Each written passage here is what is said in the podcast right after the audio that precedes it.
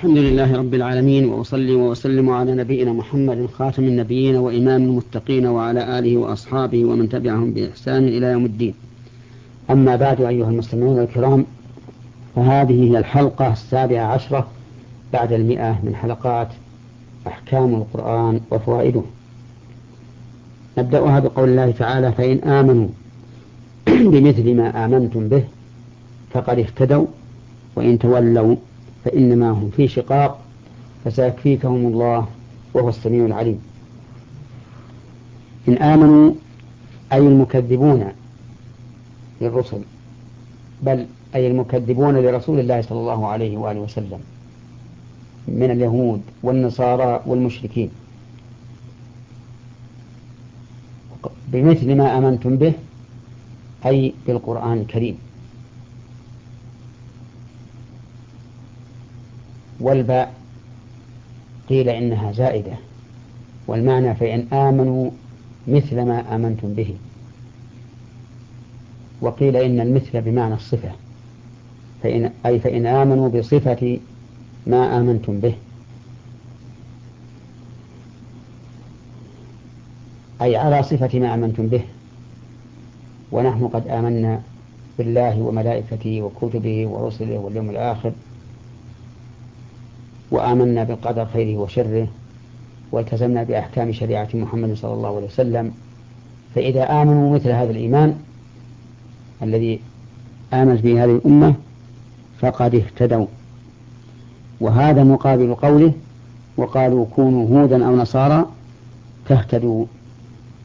فيكون الاهتداء حقيقة من كان مسلما مؤمنا بمحمد صلى الله عليه وآله وسلم. وإن تولوا يعني أعرضوا عن الإيمان بمثل ما أنتم ما آمنتم به فإنما هم في شقاق أي في تباعد عن الدين ومنازعة فيه. وهذا لا يضركم ولكن يضرهم ولهذا قال فسيكفيكهم الله وهو السميع العليم أي فسيكون الله كافيا لك بالنسبة لهم وسينصرك عليهم وهو السميع العليم. وقد حصل هذا ولله الحمد. فإن اليهود والنصارى أذلهم الله عز وجل. لما كان المسلمون أعزة بدين الله قائمين بأمر الله صار اليهود والنصارى أذلاء بين أيديهم. يؤدون الجزية أو يسلمون. وقوله هو السميع العليم سبق الكلام عليها عند قول الله تبارك وتعالى عن إبراهيم وإسماعيل ربنا تقبل منا إنك أنت السميع العليم. فلا حاجة إلى إعادة الكلام عليها. بل نعود الآن إلى ذكر فوائد هذه الآية الكريمة. فمن فوائدها اللا هداية في غير الإيمان بما آمن به بما آمنت به هذه الأمة. لقوله فإن آمنوا بمثل ما آمنتم به فقد اهتدوا. وإذا فات الشرط فات المشروط. ومن فوائد هذه الآية الكريمة أن اليهود والنصارى ضالون تائهون بعيدون عن الحق. لقوله فإن آمنوا بمثل ما آمنتم به فقد اهتدوا مفهومه. إذا لم يؤمنوا كذلك فلا هداية لهم. ومن فوائد هذه الآية الكريمة ضلال من ظن أن دين اليهود والنصارى اليوم دين قائم مشتمل على الهداية مقبول عند الله. ومن زعم ذلك فإنه كافر خارج عن الملة والعياذ بالله. مكذب لقول الله تعالى ومن يبتغي غير الإسلام دينا فلن يقبل منه وهو في الآخرة من الخاسرين ولقول النبي صلى الله عليه وسلم والذي نفسي بيده لا يسمع بي من هذه الأمة يهودي ولا نصراني ثم لا يتبع ما جئت به أو قال لا يؤمن بما جئت به إلا كان من أصحاب النار. ومعلوم أن من شهد أو اعتقد أن دين اليهود والنصارى دين حق اليوم فإنه سيجعلهم أي اليهود والنصارى من أصحاب الجنة. فيكون هذا تكذيبا لقول الرسول عليه الصلاة والسلام إلا كان من أصحاب النار.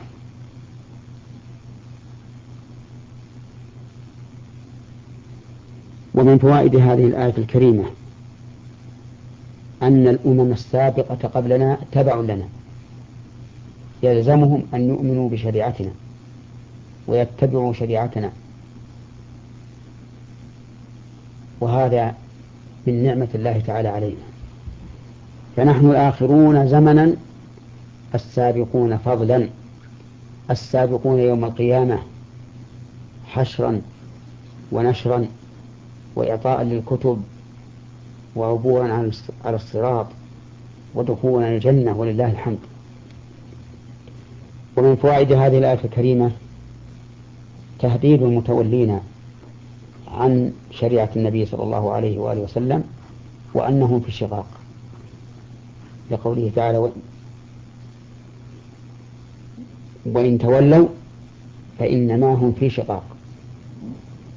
أي في شق بعيد في شق بعيد عن الدين الحق المقبول عند الله.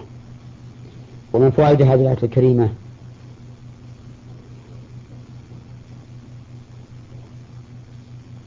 البشرى السارة في قوله فسيكفيكهم الله وأن الله سبحانه وتعالى سيكفي نبيه كل عدو للمسلمين من اليهود والنصارى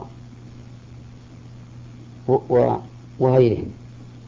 لقوله تعالى فسيكفيكهم الله.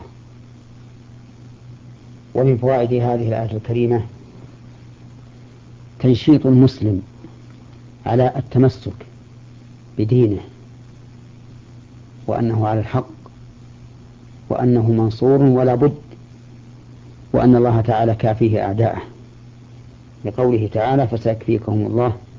وهو السميع العليم. ولقوله تعالى في آية أخرى إن الله يدافع عن الذين آمنوا إن الله لا يحب كل خوان كفور. ومن فوائد هذه الآية الكريمة بيان عظمة الله وعزة الله وقدرة الله حيث قال فسيكفيكهم الله وهو شامل لكل عدو لرسول الله صلى الله عليه وآله وسلم. ومن فوائد هذه الآية الكريمة إثبات هذين الاسمين الكريمين من أسماء الله وهما السميع العليم. ومن فوائدها إثبات ما دلت ما دل عليه هذان الاسمان الكريمان من الصفة فهو, فهو سبحانه وتعالى موصوف بالسمع وموصوف بالعلم. فسمعه واسع للأصوات كلها وعلمه محيط بكل شيء. فسيكفيكم الله وهو السميع العليم. صبغة الله ومن أحسن من الله صبغة ونحن له عابدون. صبغة الله صبغة منصوب بفعل محذوف تقديره إلزموا صبغة الله أي دين الله عز وجل. ومن أحسن من الله صبغة أي لا أحد أحسن من الله صبغة ونحن له أي لله عز وجل وحده عابدون أي متذللون بالطاعة بامتثال أمره واجتناب نهيه. وقد بقي علينا في الكلام على هذه الآية ما يؤخذ منها من الفوائد والأحكام وإلى حلقة قادمة إن شاء الله. والسلام عليكم ورحمة الله وبركاته.